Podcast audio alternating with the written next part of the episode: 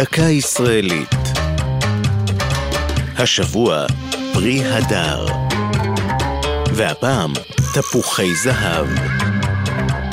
מעטים בינינו זוכרים שבגרוש היה חור, ומעטים מהם זוכרים את הימים שבהם לתפוז היו גרשיים.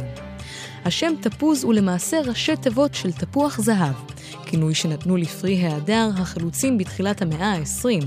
אז התפתחה תעשיית הגידול והייצוא של הפרי, והפכה למקור פרנסה וגאווה לאומית. מקור השם בפסוק מספר משלי, תפוחי זהב במשכיות כסף, דבר דבור על אופניו. על אף שבמקור הכוונה לתפוחים מלאכותיים העשויים זהב ומשמשים לקישוט, הכינוי עבר אל פרי ההדר בזכות דמיונו לתפוח עץ וצבעו הזהוב.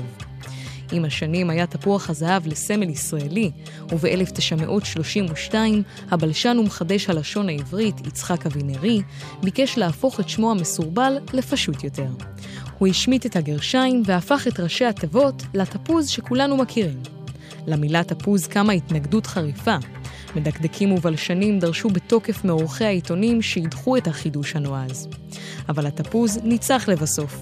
וכך נותרו תפוחי הזהב בעיקר בשירים נושנים, ואילו התפוזים נפוצו בכל בית, ובשנות ה-60 גם בפרסומת, ששודרה שוב ושוב בכל ישראל. התפוזים, התפוזים טובים באלף אחוזים מן הזהב, מן הזהב, שמחפשים אותו לשווא.